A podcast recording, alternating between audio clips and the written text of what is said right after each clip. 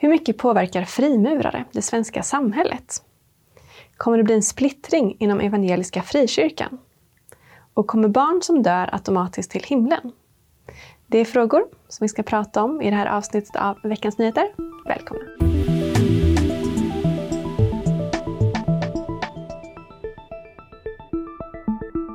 Varmt välkomna till det här avsnittet av Veckans Nyheter med mig Sara Andersson och bibelläraren och ledarskribenten Sven Amqvist. Mm, tack för det.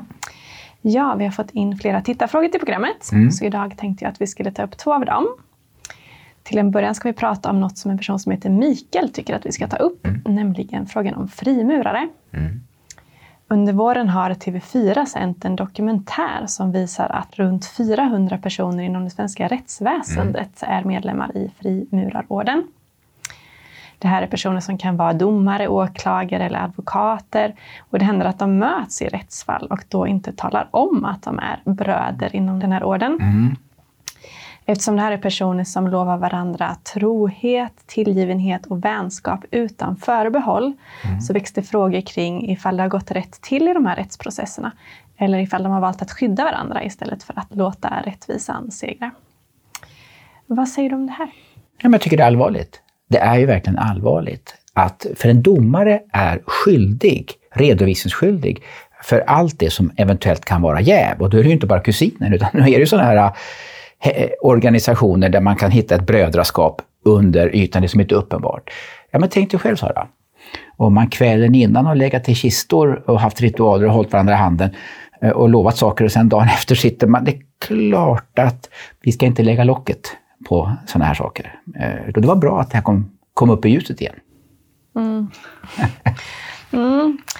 Vi ska gå in på tittarens huvudfråga och mm. då handlar det mer om den andliga aspekten av det här sällskapet. Mm. skriver han så här. Jag undrar om frimurarna och andra ordnar i Sverige är en form av hemlig djävulsdyrkan, eller vad har de för gudstro?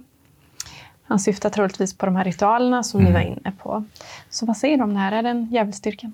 Alltså, jag tror kanske att man inte ska dra allting över samma kam. Ja, det finns ju väldigt många olika varianter, men utan tvekan så är det ju så att allting som sker i skymundan, bakom stängda dörrar, det, det andas ju osundhet. Alltså, jag menar, eh, småkryp trivs ju bäst i, i mörker, i den biologiska världen. Och jag tänker att det blir någon lite konstig herrklubb här när man sitter och, och klär på sig kåpor och, och, och dödskallar och lägger sig i kistor. Det känns inte riktigt sunt alltså i allt och mycket. Det tycker jag utifrån en ärlig, ärligt svar på det. Va?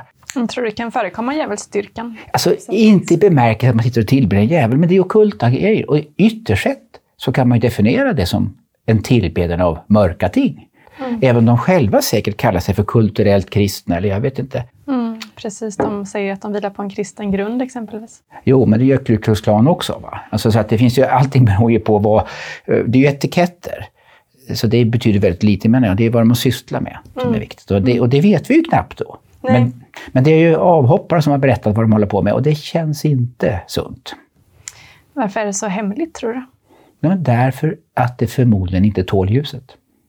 Det är skumma saker. Alltså. Mm. Och det finns ju också den här jävigheten och det handlar ju inte bara om domstolsväsendet utan det är ju alla typer av sammankomster där plötsligt man kanske föredrar en, en hemlig broders kontakt än den som egentligen borde vunnit en upphandling och så vidare. Så jag undrar om inte det är ännu större jävighet i den politiska världen. Mm. Nu ställer du inte den frågan, men jag menar, tänk alla, det behöver inte vara socialdemokrater, men ta det som största parti. Hur många grejer är det inte att man föredrar en partibroder före den som egentligen borde få ett uppdrag eller en, eller en, en uppgift. Mm. Så att det förekommer där. Mm. Varför tror du att så många män lockas till den här rörelsen? Då? Alltså, det kan ju, dels kan det ju vara så att det liksom, pappa var med, farfar var med, farfars far var med. Så det är någon form av tradition. Ett exklusivitet också. Alltså, här kan jag som en enkel person kanske vara med, en bankdirektör är med här också. Alltså, det kan finnas det aspekten. Sen tror jag det finns en ekonomisk aspekt också. Jag menar, jag kan få kontrakt för min byggfirma här. Va? Så att allt det där sammantaget kan ju göra att man ändå går med när man får frågan. Mm.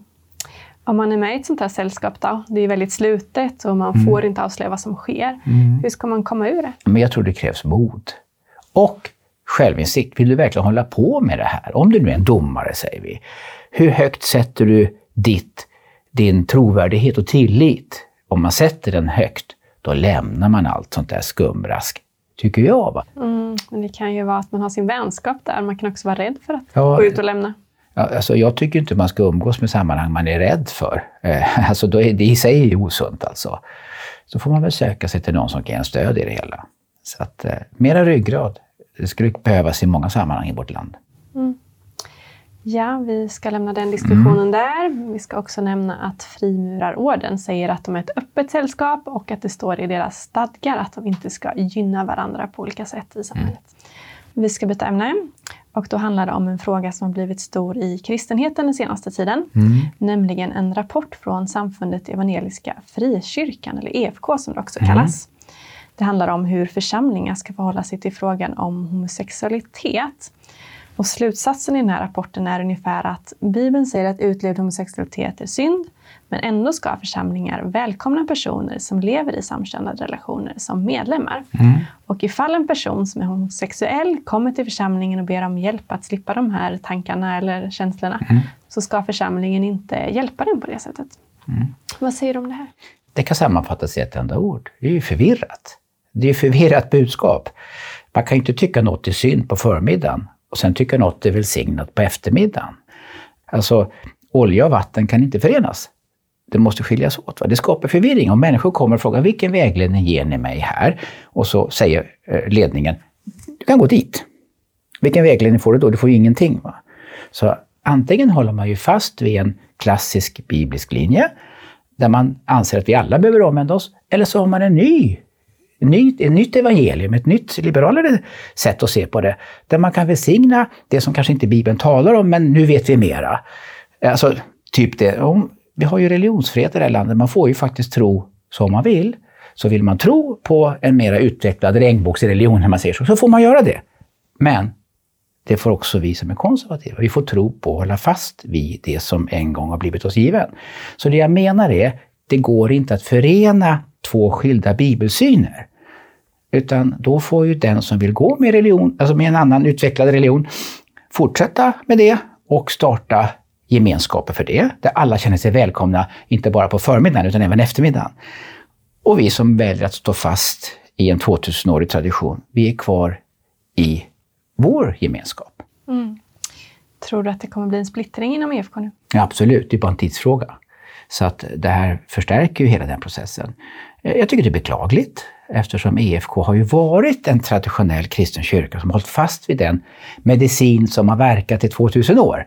Men nu kanske man har lärt sig lite mer och tycker att vi får hjälpa Gud på traven. Då får man ju göra det, självklart. Jag tror inte man... Jag, tror, jag håller fast vid den tro som har blivit oss given och så får man väl springa vidare då, eller de församlingar som vill det. Mm. Men vad ska man göra konkret nu då, om man är en församling som vill stå fast vid det gamla? Men då får de gå ut ur det sammanhang som faktiskt skapar förvirring. Så att man skapar trygghet hos de medlemmar som kommer. Det vill säga de som känner, jag brottas med min sexualitet vad den är, jag vill hålla fast med en klassisk linje. Då är de välkomna till den ursprungliga församlingen, man säger så. Eller de som säger, vi vill leva ut vår, vad det nu än är, då får de komma i de nya sammanhangen. Eh, och så får väl ytterst att Gud avgöra vad som är välsignat. Det är inte mina ord som gör det, det är ju Gud själv som bestämmer. Mm. Så du förespråkar mer eller mindre en splittring? Ja, men det är självklart, därför att eh, allting handlar ju om vem man vill vara trogen till. Vill man vara trogen till skriften, då får man vara fast vid det som är skriftens ordningar. Och vill man inte ha det, man får tro på vad man vill. Man kanske vill koppla till, nu, jag tror det var 300 sidor på den här EFK, då kanske man har en skrift till bredvid Bibeln. Då får man ju ha det. Du får hur många skrifter du vill, Sara. Så att det, det, är ju, det är ju faktiskt så. Du, du, men om du kommer med dina åsikter in i den klassiska kyrkan, då, då är det ju du som splittrar menar jag, inte de som står fast. Så att eh, här har ju EFKs ledning visat allt annat än ledarskap tycker jag. Mm. Ledarskap, det står man för någonting och eh, är konsekvent i det. Ja, vi ska lämna den diskussionen där. Mm. Vi kan också säga till våra tittare att själva frågan om vad Bibeln säger om homosexualitet har vi avhandlat här tidigare. Ja. Så vill man veta mer om det så kan man scrolla ner lite här bland programmen. Vi ska gå över till nästa ämne mm. och då handlar det om veckans tips. Ja, vad har du med dig idag? Jag har med mig en bok som kräver lite tanke att läsa om. Men eh, det är en man som heter Per Evert som eh, är direktor för Klapphamnsinstitutet. Han är ju, hur kan det komma sig att Sverige, som för 150 år sedan var kanske det mest kristna landet i Västeuropa, kanske idag, idag är det mest sekulariserade. Mm. Han förklarar den här resan, där ju Socialdemokraterna har haft en väldigt stor roll. Så den här boken, den kom ju för något halvår sedan nu, men det är en doktorsavhandling eh, som eh, Per Evert har gjort. Otroligt fascinerande. Det kräver några tanke, tankesvängar för att hänga med, men det är landet som glömde Gud. Mm. Är inte du lite partisk då? Det är en av dina ledarskribentkollegor här på Absolut, men det betyder inte att jag är fel. Den är väldigt, väldigt, väldigt bra. Ja, tack så mycket mm. för det. Vi ska gå in på det sista ämnet och då handlar det om en teologisk tittarfråga.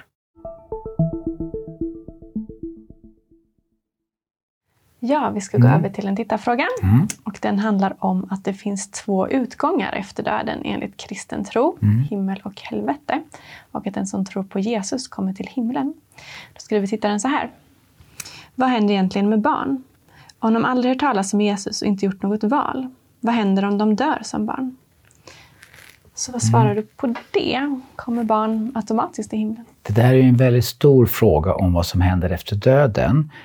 Eh, och där skulle jag kanske, det hinner vi inte nu, definiera lite mer vad menar med begreppet helvete som inte direkt står i Bibeln på det sättet. Men det, Bibeln talar om en evig skilsmässa från Gud eller en evig närvaro hos Gud. Eh, så begreppet är helt korrekt. Barn, Jesus säger så här, eh, himmelriket tillhör sådana, hindra inte barnen att komma till mig. För himmelriket tillhör sådana som dem. Så jag tror ju att barn tillhör Gud, oavsett, det finns ingen moralisk så att säga, aspekt. Sen finns ju djupa frågor, när upphör ett barn att vara barn? Om man säger så här Sara, det överlåter jag till Gud att avgöra. Men, men det är klart att det kommer till en punkt där vi själva fattar våra moraliska beslut. Så är det ju. Mm. Men är det inte orättvist då vilka som kommer till himlen? För man kan ju inte välja själv om man dör som barn eller som gammal. Det är inte orättvist, tvärtom. Det är bara ett uttryck för Guds nåd. Och det här med vilka som kommer till himlen eller inte, det är ju Jesus som är själva nyckeln dit. Och när han säger att himmelriket tillhör barn så tillhör ju de himmelriket. Så alla som har förlorat barn, jag har förlorat barn i samband med födsel.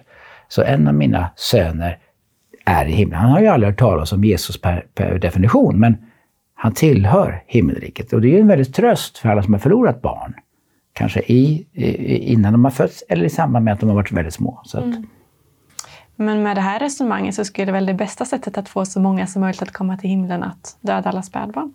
Nej, det där är ett helt upp och nervänt resonemang. Vår uppgift är att ge liv och vägledning. Och det är Guds uppgift att avgöra när en människas tid är över. Eh, så, att, eh, så, att, så vi kan inte resonera så. Jag förstår din logik i det, men det är, det är tvärtom. I varje enskilt barn finns det kanske en Moder Teresa, en Nelson Mandela. Det finns massor med potentiella räddare för den här världen av olika slag. Och vår uppgift är ju att se till att de ska få bli beskyddade och eh, vägledda rätt. Mm. Mm. Hoppas att det var ett svar som tittaren är nöjd med. Ja, oavsett om de är nöjd med det så är det ett rätt svar menar jag. Eh, så att eh, vi, jag styrs inte av vad tittare tycker och tänker och inte ens vad du tycker och tänker.